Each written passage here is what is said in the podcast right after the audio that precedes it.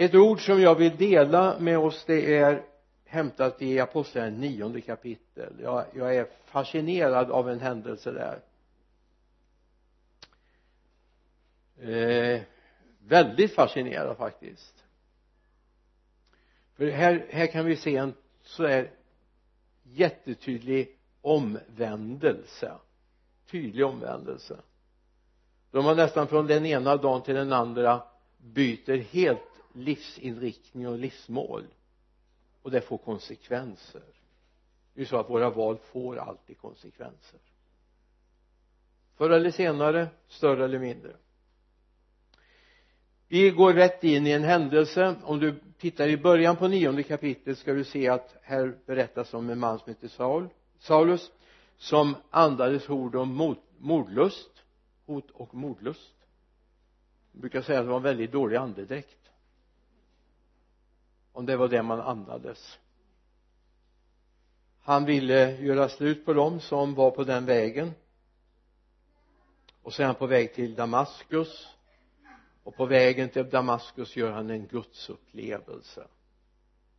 Jag vet inte om Paulus eller Saulus som han benämns här då om han eh, kände att det här var nästan en nära döden upplevelse han hade där på Damaskusvägen man använde väl inte de begreppen på den tiden. Det har blivit lite mode i det idag men men jag skulle tro att han var väldigt häpen. Han både tappade synen och orienteringen. Och så började han undra vem är du? Det här ljusskenet den här rösten så, ja Jesus den du förföljer. Oj. Och så gör han ju inte mer av sitt uppdrag i Damaskus utan han blir förd av de som är med honom till ett hem och det står att där ber han. Hela hans liv håller på att förändras. Och så kommer det en man som heter Ananias och det är dit vi kommer nu. Då gick Ananias alltså en Jesu lärjunge som fanns där i Damaskus.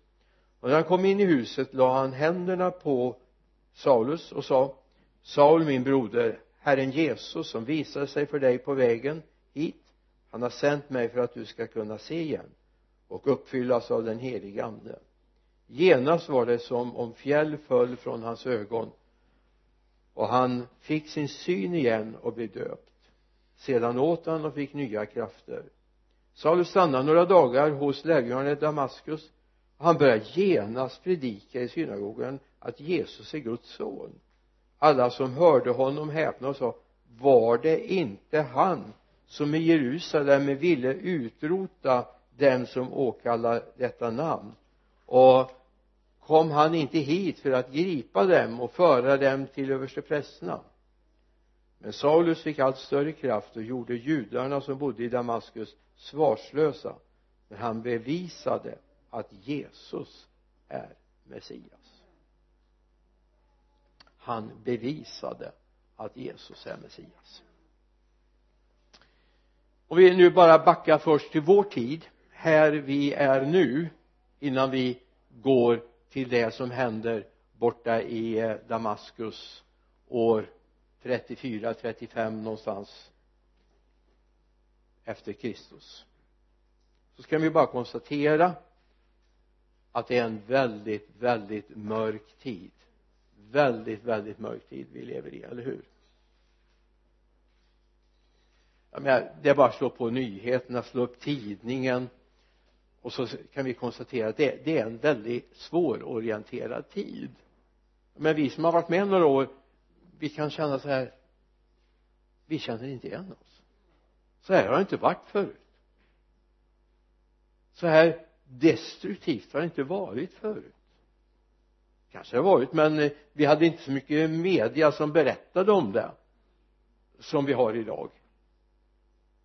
Och inte fanns det facebookgrupper när jag växte upp där man kunde skramla ihop folk till allt möjligt både positivt och negativt.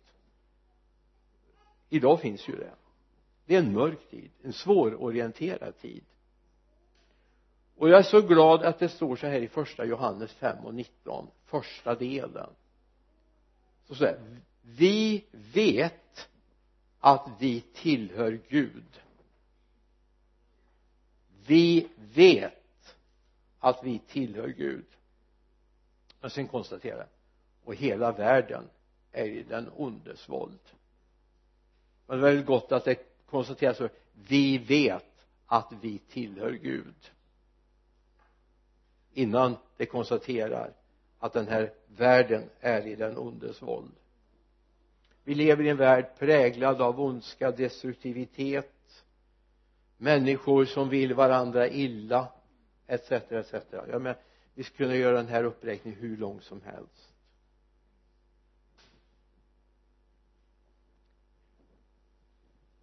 Och kommer vi då in i en tid när det är så här och så börjar kunskapen om Gud bli väldigt svag? Jag menar vi kan backa till andra världskriget. Jag upplevde inte andra världskriget men jag är född precis året efter freden. Så jag är väl säkert någon sån där lyckorus. Att jag kom till världen. 46 då hade människor ändå en relativt bra grepp om Gud man hade ett bra grepp om Gud. Jag ska inte säga att det var alla var gudfruktiga men man visste att det fanns någonting det eller den att ty sig till när det var alltför besvärligt. Så har inte människor idag. Man har ett inget eller ett intet. Och det är inte mycket att stå på. Det är ungefär som att solen skulle slockna. Och det skulle bli totalt mörkt. Så upplever många människor det finns inget ljus. Och då blir det svårorienterat. Och livet börjar tyna ut. Hopplöshet. Hopplöshet när man hör unga människor intervjuas på tv i olika program så märker man ju den totala oförmågan att orientera till något annat än sig själv. Man är sin egen gud. Man är sin egen trygghet. Medan du och jag som lever i ljuset. Vi har någonting att hålla oss i. Någonting att stå på. Någonting att vara trygg i. Gud give att vi vakar över det. Att Gud blir mer viktig än vad han är hittills. Ja men du säger han är viktig för mig. Ja jag har inte sagt att den inte, inte Gud är viktig för dig men jag vill bara säga att han kan bli mer viktig. Han kan bli mer central. Så att du får någonting att stå på oavsett. Ja men stormarna kommer ändå. Prövningarna kommer. Motgångarna kommer. Men du har någonting att trygga dig vid. Jag är inte ensam. Jag är inte utslängd. Jag finns här i den här världen. Och när Jesus berättar en liknelse eller ska vi säga en betraktelse kanske? I Matteus 6, 22 och 23 han använder en bild. Han säger ögat är kroppens ljus. Om ditt öga är friskt får hela kropp, din kropp ljus. Men är ditt öga sjukt ligger hela din kropp i mörker. Om nu ljuset i dig är mörker hur djupt är då inte mörkret. Om ljuset i dig är mörker vad innebär det? Jo det innebär att ögat alltså det här är ju inte det fysiska ögat som talas om här utan det talas om oförmågan att se Gud. Oförmågan att orientera inför Gud. Är det då så att jag inte får det ljuset in i mitt liv som Gud innebär. Då ligger hela mitt liv mina tankar, mina känslor, allt ligger i mörker. Och jag kan inte orientera i den här tiden men det finns en möjlighet att leva med ett friskt öga. I en sån här tid och det, jag menar, det här skulle vi kunna skriva under varenda en jag menar du kan slå upp en åtminstone en större kvällstidning eller morgontidning så hittar du mängder av erbjudanden om eh, yoga meditation. Ja vi skulle kunna göra uppräkning hur lång som helst. Man har konstaterat att världen är som den är. Nu behöver du det här bara du går på en yogakurs eller söker dig till scientologerna och betalar massa pengar så kanske du hittar ljuset någonstans. När vi bodde i Husum för många år sedan så det ligger strax utanför Örnsköldsvik så gick vi an på kvällarna när det var sådär riktigt tjocka. Vi låg ju vid kusten. Så att man därifrån vi bodde knappt såg ner till vattenbrynet fast det inte var så jättelångt. Och vi såg inte fabriken som annars alltid var den som vi hade utanför vardagsrumsfönstret. En stor jätte pappersmasseindustri då kunde det hända någonting. När det var lite tyst. Då hörde vi mistluren. Utifrån Skaks eh, udde. Det fanns en fyr där som lotsade människor eller fartygen in i, i kanalen som gick in till Husums hamn. Och som samtidigt varnar för utskjutande grynnor. Klippor som gick ut. Men då fanns det en misslur som talade om att här finns det faror. Jag höll på att säga är det inte tid att församlingen låter lite som en misslur? Hur den nu låter och hjälper människor att orientera. Och då är det ju inte så här att det handlar inte först och främst om här är en massa faror utan här finns en väg. Gå här. Jag menar om du åker här nere i söder så har vi inte så mycket. Jo ni som bor uppe på dalen ni kan märka det här. När det blir lite snö så är det bra med de där snöspinnarna som står ute efter vägen va? Där det inte finns massa vägrenar och sånt då är det ju inte lönt att testa om det är djup snö och köra på andra sidan på fel sida om de där snöpinnarna då kommer man inte så långt. Då blir man hängande där i en snödriva va. Alltså det är bättre för de talar ju om här är vägen. Jag behöver inte testa hur det är på andra sidan de här pinnarna va. Heter jo snöpinnar vad heter de? Bibeln säger så här och det det som är viktigt att ta med sig. Matteus 24, 11 då står det många falska profeter ska träda fram och bedra många. Och eftersom laglösheten tilltar kommer kärleken att svalna hos de flesta. Men den som håller ut till slutet ska bli frälst. Och detta evangelium om riket ska predikas i hela världen till ett vittnesbörd för alla folk och sedan ska slutet komma.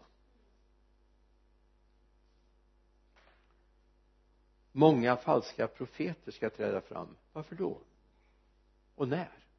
Ja inte när människor lever med en allmän gudskunskap. När människor vet att det finns en gud att förhålla sig till då finns det ingen marknad för de falska profeterna. För när ljuset lyser klart då ser ju alla men när vi kommer in i sådana tider som vi gör nu då finns det en marknad för de falska profeterna. Som kommer och säger gör så här håll dig till det här ha de här stenarna ta på de här magneterna. Ställ sängen rätt. Så att du, jag menar jag blev uppringd faktiskt, ja det är ett år sedan nu ungefär av en som frågade om jag kunde komma och se var de här kraftfälten gick någonstans. Så att sängen stod rätt så man kunde sova gott. Jag sa jag kommer inte att göra det. Men vad jag kan komma och göra? Jag kan komma och be om frid över ditt sovrum. Men alltså veckotidningsuppslagen. Satt på läkarstationen för nu ett tag sedan. Tittade i en tidning. Sida upp och sida ner med horoskop. Med erbjudanden om kurser om eh, människor som höll på med färganalyser eh, och så vidare. Vad är det här? Falska profeter. Och de får plats i den här mörka världen. Här har vi ett uppdrag. Visa på den rätta vägen. I första korinterbrevets elfte kapitel det säger Paulus jag vill också i fortsättningen handla som jag gör för att inte de som söker efter tillfälle att vara eh, att vara som vi i fråga om ber, vers 11 var inte det? Jag sa inte det. Kapitel 11 får vi se. Får vi bläddra fram en vers också då. 12 andra kort 11 12 andra kor ja. Ja andra kor. Men det står för, för det är ändrat. Det är två kor nu.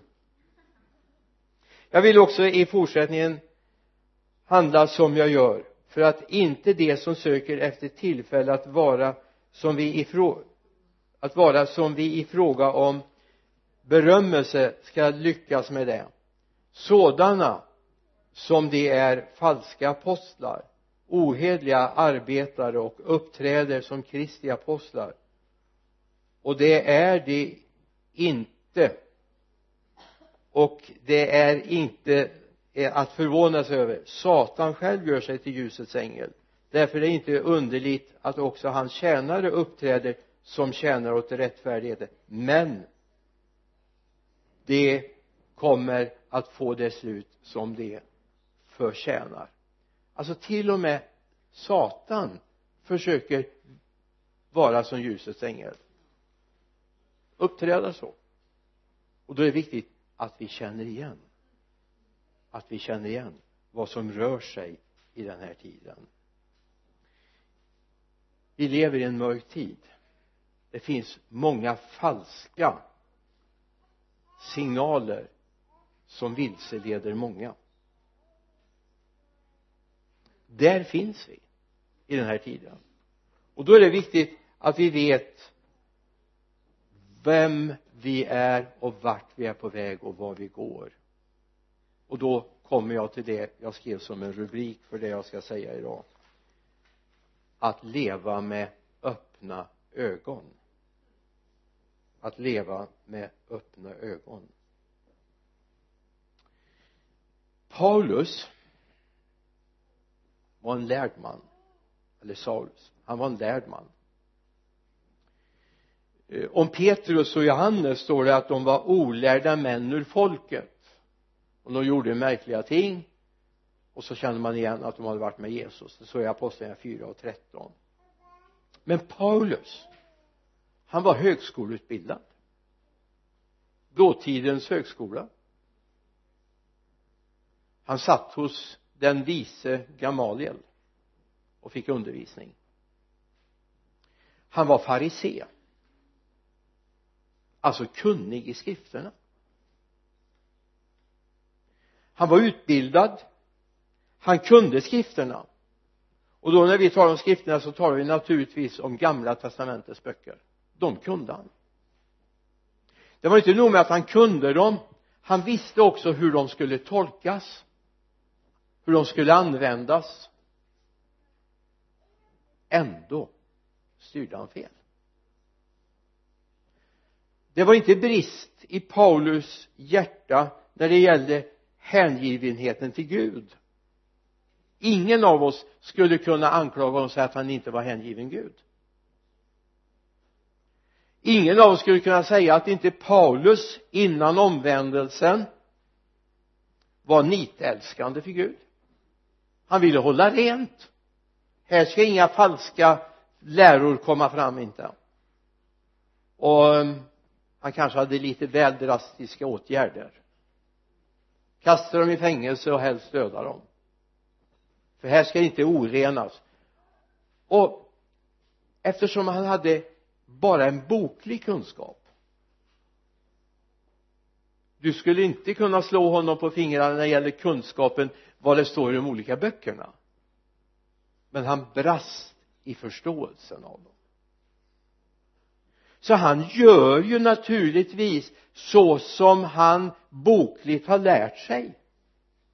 Den som kommer och säger att han är Messias eller Guds son vad ska hända med en sån säger Moseböckerna. Han ska stenas hårda bud. Och nu kommer det några och säger att de följer en viss Messias en Kristus den smorde. Det är klart det här är en farsot. Det måste vi bekämpa. Vi ska hålla läran ren.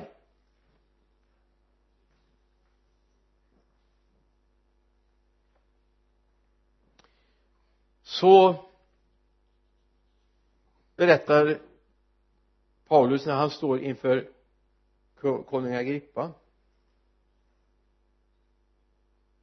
Säger jag är jude född i Tarsus i Sicilien och uppvuxen här i staden.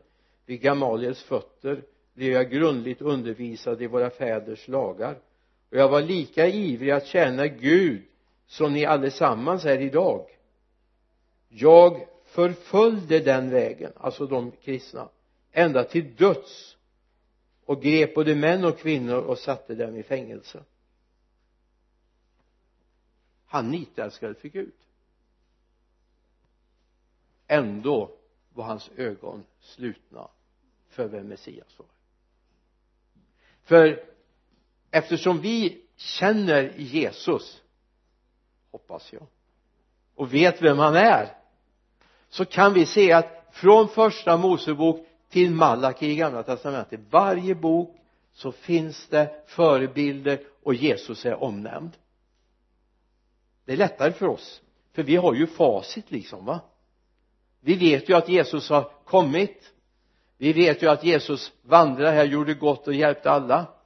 Vi vet att han lät sig offras till döds och han tog tillbaka livet vi vet att han sitter på faderns högra sida idag. Vi vet det här. Det visste inte Paulus. Han visste inte det. För det hade ju inte hänt till fullo än. Åtminstone inte uppenbarat för honom. Och det här är liksom en nyckel. Det är viktigt att vi inte bara kan orden utan det är viktigt att vi också lär oss vad orden står för. För att ta en enkel bild. Om du är ute och kör bil så vet du i en del vägkorsningar så finns det sådana här lyktor med rött längst upp och gult och grönt va? Du vet vad det är till för? Visst. Det är för en fin dekoration och sen måste det vara lite variation ibland också. Det kan ju inte bara vara rött jämt. Det får ju vara grönt någon gång också. Eller hur? Alltså det räcker ju inte. Jag vet att det finns tre lampor. Jag måste veta vad de står för också. Vad är det jag ska göra? Och det är det som är lite grann hemligheten när vi närmar oss Guds ord. Guds ord är levande och kraftigt. Ja om Guds ord får sättas i rörelse. Om det bara är en vacker plansch där hemma med fina bibelord på som egentligen bara, ja titta vilken fin, det är så fina dekorationer runt omkring också. Och vilken fin ram jag har på det. Då är det ju av noll och intet värde egentligen även om det står att Jesus är enda vägen till frälsning. Eller hur? Men när jag ser att det som står i Guds ord också är någonting som vill tala in i mitt hjärta och få mig att göra någonting. Och där behövs ljus för våra ögon så att vi ser. Paulus säger så här i Filipperbrevets tredje kapitel vers 8 jag räknar allt som förlust därför att jag har funnit det som är långt mer värt kunskapen om Kristus Jesus min Herre. För hans skull har jag förlorat allt och räknar det som avskräde för att jag ska vinna Kristus och bli funnen i honom. Inte med min egen rättfärdighet den som kommer av lagen utan med den som kommer genom tron på Kristus. Rättfärdigheten från Gud genom tron. Då räknar jag då känner jag Kristus och kraften från hans uppståndelse och delar hans lidande genom att bli lik honom i en död med honom. I hoppet om att nå fram till, det, till uppståndelsen från de döda. Alltså Paulus hade kunskap. Paulus hade en kärlek till Gud. Han kunde skrifterna baklänges och framlänges. Han kunde till och med tolka dem. För det ingick i en farisees uppgift att kunna. Vad är det han säger? Jag räknar det som avskräde. Det här är egentligen ganska tufft. Han kan bibeln men han känner inte bibeln. Det är det som är skillnaden en av mina lärare i, i en kurs jag gick i exegetik för många år sedan. Fantastisk lärare. Helt fantastisk. Ända tills vi kom till kaffepausen. Alltså det var nya testamentets exegetik. Läste för en professor från Lund på en kurs jag gick i Eksjö hade en, en eh, filial där för Lunds universitet. Lärosäte eller vad det kallas för. Alltså han kände ju bibeln. Han, han kunde till och med tala om hur många prickar det var och så vidare i, i hur många bokstäver i den hebreiska texten och grekiska texten i bibeln. Här gäller det ju då den grekiska texten. Han kunde till och med skriva. Jag var riktigt fascinerad. Han skrev med grekiska bokstäver bibelord på bibelord. Han kunde det. Men när vi står runt ett sånt där ståbord med en kopp eller en mugg kaffe och pratar så går det bara upp för mig. Han känner inte den Jesus som han försöker att förklara för oss vad det står i bibeln. Han känner honom inte. Alltså det blev en nästan chockupplevelse för mig för en ganska ung grabb. Eh, hängiven ville veta. Det var så att jag kände att jag vill inte gå på den där kursen längre. Det var nyttig lärdom för oss outbildade att få. Men ändå kände jag jag vill hellre känna honom. Och då kom jag att tänka på en eh, bibellärare vi hade när vi gick på bibelskolan för många år sedan. Han var väl inte teologi eh, professor på något sätt men han älskade Jesus heter William Edvardsson. Han var lite evangelistpappa på den tiden när vi gick på bibelskolan och det var han som hade omsorg om oss när vi kom ut på evangelistfälten och så. Han sa jag vill hellre vara ett Guds barfotabarn än en Guds lantmätare. Lantmätaren vet allt på kartan. Kan mäta ut varje höjd men barnet har ju sprungit där och känner stenarna och gräset och frukterna som finns i träden. Jag vill hellre vara ett Guds barfotabarn och jag tror att det är viktigt. Det är viktigt att vi lär oss att umgås med Gud. Att vi inte behöver kunna varje, varje prick utan därför att vi har lärt känna honom som ordet handlar om man kan fundera på Paulus eller Saulus. I början av nionde kapitlet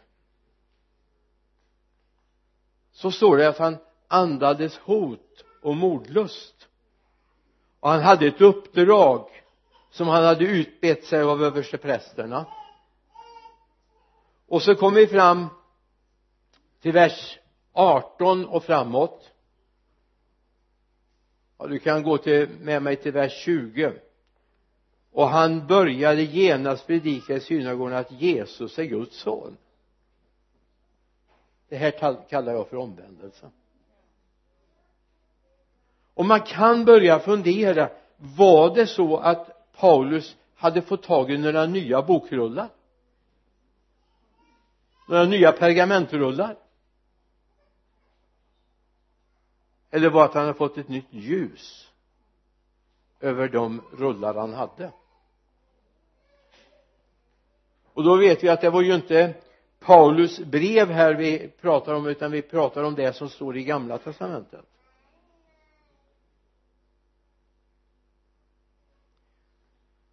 Alltså det måste varit en ren chockupplevelse när han på nytt efter han har varit blind fått sin syn och fått den heliga ande när han börjar läsa i ja, bokrullarna, man öppnar dem så. Och så börjar läsa. Och så ser han något helt nytt. Det var en aha-upplevelse.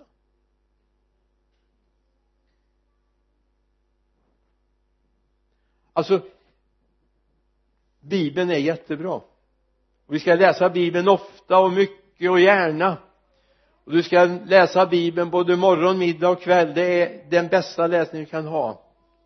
Men får du inte tag i honom ordet så blir det bara död bokstav. Det blir bara trycksvärta. Det blir bara meningsbyggnader. Men får du tag i honom som det handlar om då får du en ny bibel då får du en ny bibel. Utan att gå och köpa en i bokhandeln. För det är inte det det handlar om.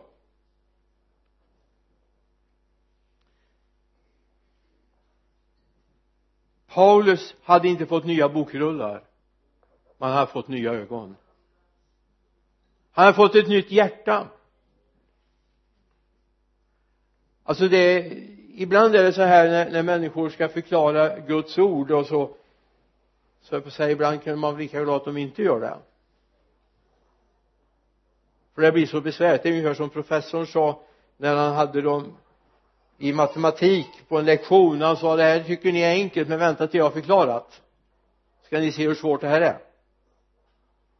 Det är kanske inte riktigt det som är lärarens uppgift i grunden att men alltså man har missat vissa saker. Men att få honom som lärare då kan man vända på det och säga vänta till han har förklarat ska du se hur enkelt det är. Hur fantastiskt det är. Paulus hade inte fått en ny bokrulle. Eller nya bokrullar. Han hade flera det vet vi. Han skickade efter vid ett tillfälle bokrullar. Som han hade lämnat efter sig. Han hade flera bokrullar.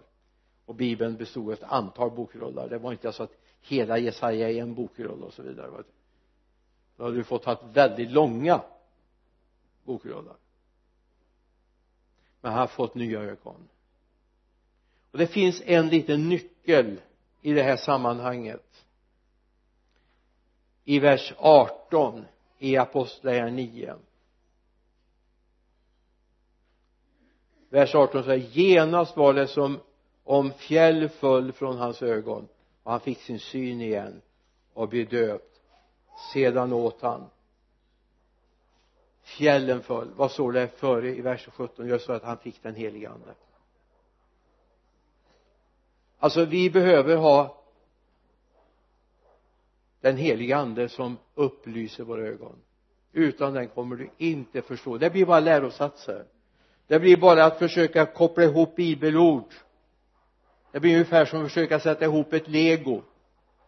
Det kan bli ganska bra men ärligt talat jag menar hur fina figurer man än kan bygga av lego så visst ser de lite artificiella ut. Jag är glad att inte jag är byggd av lego. Ärligt talat. Armarna kan bara gå så. Finns det några fingrar? Oftast är de stela så här här har vi en legogubbe? Ja yeah. jag är väldigt glad att jag inte är en legogubbe även om den kunde varit en modell större. Eller hur? Det finns inga leder där en gång. Alltså det blir sådana lärosatser om vi försöker utifrån eget förstånd sätta ihop det men vi behöver få nya ögon. Och det var det Paulus fick. Han fick också förmåga att ta in det.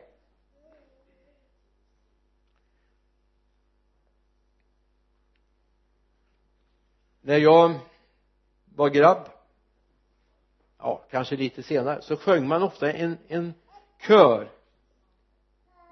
Man sa inte lovsång då, man sa kör. En bönekör faktiskt som är jättefin jag ska inte sjunga den, jag lovar. Giv oss o herre öppnade ögon. Vi vill se Jesus vidröra honom. Lär oss att lyssna höra hans stämma. Giv oss o herre öppnade ögon. Visst är det fantastiskt? Men då fanns det belackare. Det finns ju alltid människor som har synpunkter på allting. Om någonting inte riktigt man förstår det så, så, så är det ju fel på det. Det är aldrig fel på dem själva. Och då sa han så här det är märkligt så här sjunger man giv oss och herre öppnade ögon och så blundar man.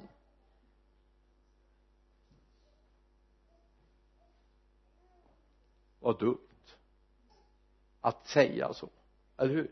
För vi sjunger ju inte om våra fysiska ögon. Och ibland kan det vara bra så här att sluta de ögonen för att kunna se det Gud visar, eller hur? Det är väl mer än en gång vi har upplevt det. Att när vi ber och söker Gud så är det inte alltid så smart att hålla på och titta på allting som händer runt omkring. I förbönstunden när du ber för andra då är det bra att ha öppna ögon och se vad som Gud gör i andra människor. Men när jag söker Gud så kan det vara bra att sluta ögonen för då får Gud chans att visa någonting. Det finns ögon i hjärtat. Det finns ögon i hjärtat.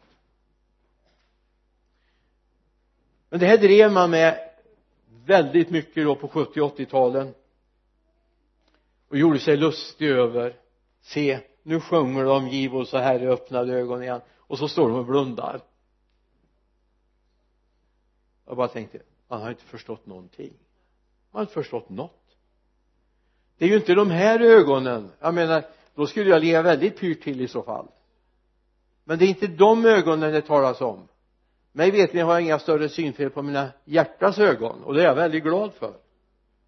Hur har du det med dina hjärtögon? Behöver de justeras? Så att du ser vad Gud vill och visar dig. Hur skulle du hamna i den situationen om du skulle mista synen? Jag vet för jag har varit med om det. Jag vet perioder när jag inte kunnat läsa min bibel överhuvudtaget. Och jag har inte haft sådana här moderna utrustningar så den har läst för mig heller. Då skulle jag vara helt förlorad. Men jag var inte det. Låg på Sundsvalls sjukhus med förbundna ögon i 14 dagar. Såg inte något mer än ett litet ögonblick när de lyfte på på, ehm, på förbandet över mitt högra öga för att se hur operationen hade gått. Fick lite ljus. Och du vet har man gått i mörker och så får man lite ljus då hinner inte ögat riktigt reagera så det blir väldigt jobbigt. Det blir ungefär som man har något hårt som trycker till på ögat va? Men i mitt hjärta fanns Guds ord. I mitt hjärta fanns Guds ord och Gud tog det ena efter det andra. Jag säger inte att jag presterar för jag kan inte massor utan till. Men Gud tog av det och lyfte upp det för mig. Varje morgon fick jag ett bibelord. Trots att jag inte såg. Och jag hade en klar syn. Och många predikningar framöver landade Gud i mitt hjärta under de här dagarna jag var där på Sundsvalls sjukhus. Därför att det finns en annan blick, en annan syn som vi behöver för att kunna förstå.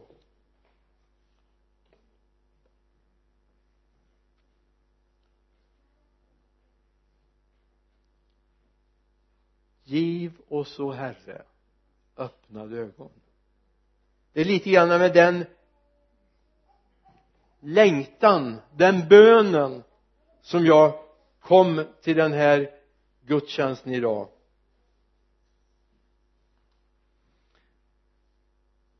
Att få leva med av Gud givet öppet öga. Att få den förmågan att inte bara se vissa sammanhang och att här talas det om det och här talas det om det och det hör alltså ihop. Det här logiska tänkandet det är bra med logiskt tänkande men ibland så trillar vi fel i vårt logiska tänkande. Det blir ungefär som när jag skulle såga till eh, löklådor hemma.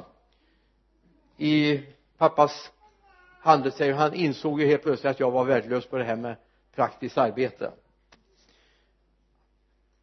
Jag skulle göra ett antal sidor på de här lådorna. Lådan skulle ja så och så och så skulle jag vara botten och så skulle sargen vara så här hög. Och så hade jag fått virke jag skulle såga till. Och jag skulle göra ett visst antal sidor av långa sidor och korta sidor. Det skulle passa i våra eh, lökbäddar där vi skulle sätta ner de här lådorna. Och jag bara tänkte så här för pappa hade gjort en mall som jag skulle använda och lägga på och så såga efter. Jag tyckte det var ju klumpigt. Så när jag hade tagit sågat den så slängde jag den och så tog jag den nya jag hade sågat av som mall jag såg nästa. Vilket gjorde att man fick ju några millimeter längre och längre och längre. De lådorna såg inte för roliga ut. Vinda och snea. Pappa var alldeles förtvivlad. Har jag inte lärt dig något grabb sa han och så är det när vi försöker pussla ihop Guds ord. Vi behöver den heliga andes klarhet för att se mönstren i Guds ord. För att se det Gud har talat, vad Gud vill för den här tiden. Visst har du både sagt och du har hört att man kan säga så här eller du har sagt så här håll ögonen öppna. Och när någon säger det håll ögonen öppna så kan det vara en för att varna för en fara. Se dig för var du går någonstans till exempel va? Håll ögonen öppna. Men det kan ju också vara så att håll ögonen öppna för det finns faktiskt ett fantastiskt landskap du kan få se där borta. När du åker vägen fram eller du åker på tåg eller du du flyger eller åker bil håll ögonen öppna så ska du se det är fantastiskt. Det sa de till oss när vi flög över Grönland. Jag menar i och för sig ett stort vitt täcke utbrett. Men visst är det ganska fascinerande att se. Och så om man tittar åt ett visst håll så såg man alldeles nordpolen där borta. Häftigt va? När man ligger på tio mils höjd och blåser över. Och så går ner borta i Alaska sen och då var det bra att någon sa till håll ögonen öppna ska du se hur fantastiskt det är? Och se detta vinterlandskap. Men det kan också vara så att någon säger håll ögonen öppna för det kan finnas ett hål i vägen där du kör. Alltså vi behöver öppna ögon i vårt andliga liv både för att se fascinationen av Guds härlighet men också se farorna som finns i tiden. Så Guds ögon, de nya ögonen vi får, de är till för både och. Både att vi ska se skönheten hos Gud kunna förstå vem Gud är fullt ut. Se allt vi har i Gud. Ibland blir jag bekymrad när jag ser hur fattigt vi lever som kristna. Och då talar jag inte om pengar utan jag talar faktiskt om andliga upplevelse, allt det Gud har tänkt oss till godo. Alltså Gud har mängder av välsignelser som inte handlar om pengar och långt liv och så vidare utan som handlar om glädjen att få förmedla ordet i den tid som är nu och förklara vem han är. Nu är det så här jag vet inte om du har orienterat någon gång någon har gjort det vid något tillfälle.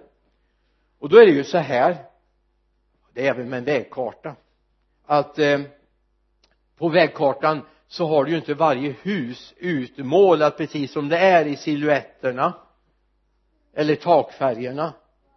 När man går in på eh, de här kartorna på eh, smartphone eller datorn då kan man ju också få det som en flygfoto.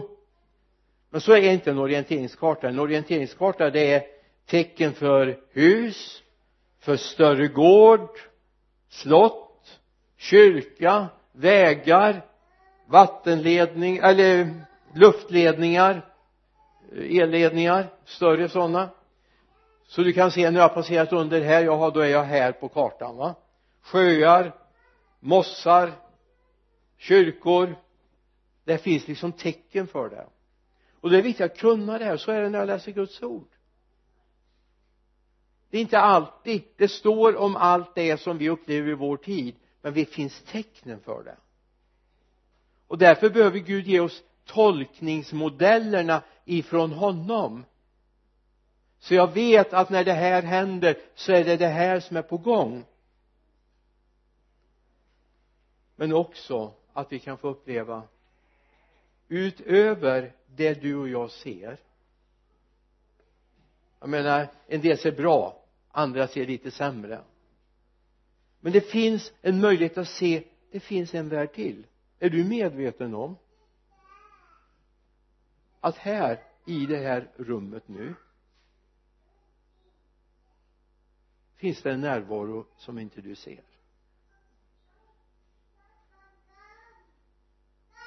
Ja men vi kan ju räkna varandra vi kan ju räkna varandra och se hur så här många är vi. Men utöver oss finns det en närvaro. Gud har sin ande här.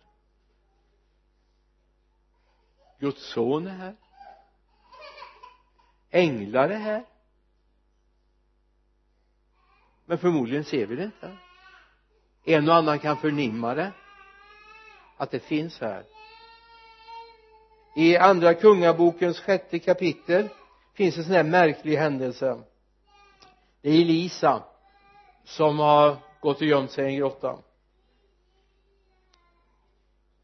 Vers 5 eh, andra kungaboken 6, 15 när gudsmannen tjänare tidigt på morgonen steg upp och gick ut se då hade en här med hästar och vagnar omkring, omringat staden. Tjänaren sa till gudsmannen o min herre vad ska vi ta oss till? Han svarade frukta inte. Det som är med oss är fler än de som är med dem.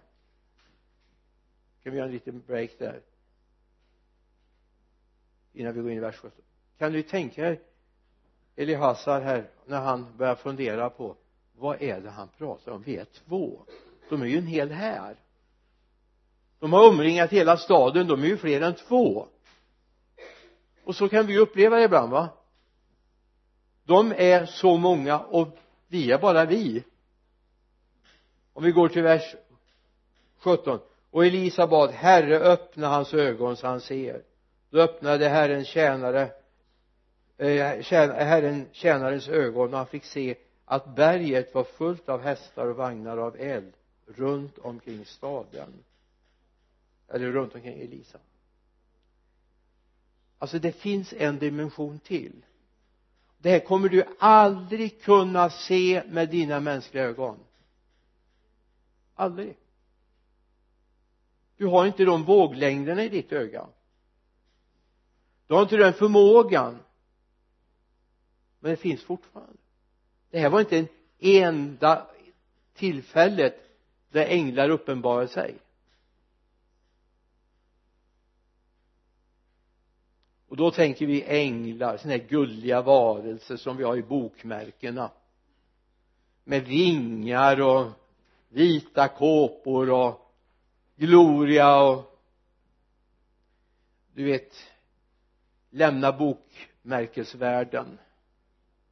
De som har gjort bokmärkena har ju nog inte så stor pejl på vad som står i Guds ord. Änglarna var resliga gestalter. Hade inga vingar satraperna och eh, keruberna de har vingar. Men eh, änglarna de var vinglösa vet du. De var tjänare utsända direkt ifrån tronen för att ta verkligen krafttag. Skruva av hjulen på vagnarna när faraos här ska gå över Röda havet. Yes handfasta människor vet du. Praktiska människor. Eller änglar. Inte människor nej. Änglar. Högresta gestalter. Finns mått till mig i bibeln på hur stora de var. De finns men de syns inte men i vårt hjärta, i vår andliga förmåga kan vi upptäcka här finns änglar.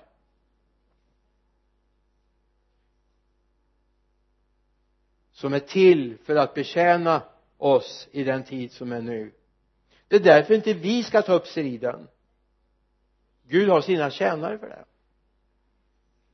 Och det står om att Jesus kunde ha befallt att änglar hade kommit honom till hjälp när han hängde på korset. Men det var inte hans det hade varit fel. Han skulle inte tas bort ifrån det här lidandet. Han skulle gå igenom korset. Därför begärde han inte änglaunderstöd och det är jag väldigt tacksam för. Jag är så tacksam för att han gav sitt liv för din och min skull. Nu har vi ett liv att leva där vi kan få ha Guds ögon. Där vi kan få se. Tänker på vad Birgitta brukar berätta när hon blir andedöpt. När Guds ord liksom kom ut ur bibeln. Det blir levande. Har du upplevt att bibeln är levande? Den förändras inte. Det är inte så att du läser en bibel och jag läser en annan och så vidare. En tredje läser en tredje bibel. Men det talar till vårt hjärta. När Guds ögon får fylla vår sätt att se. Gud har ögon som han vill ge dig. Gud har ögon som han vill ge dig. Och det handlar inte om de fysiska det handlar om förmågan att se vad Gud vill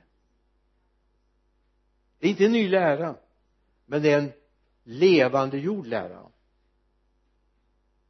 Amen. Herre låt det här få landa i våra hjärtan. Låt oss kunna ta det till oss. Förstå att du har en värld herre som vi inte till fullo riktigt förstår än. Vi förstår att Paulus inte förstod det hur mycket och hur väl förtrogen han var med skrifterna så herre kom det en dag när han fick nya ögon, ny möjlighet att se att du Jesus var Guds son. Och att han kunde få fara runt i hela den dåtida kända världen och dela ut den här sanningen till människor. Herre hjälp oss att vi i vår tid, i den här mörkrets tid kan dela ut sanningen att du är Guds son. Tack Jesus för att du är den levande Gudens son. Amen. Amen.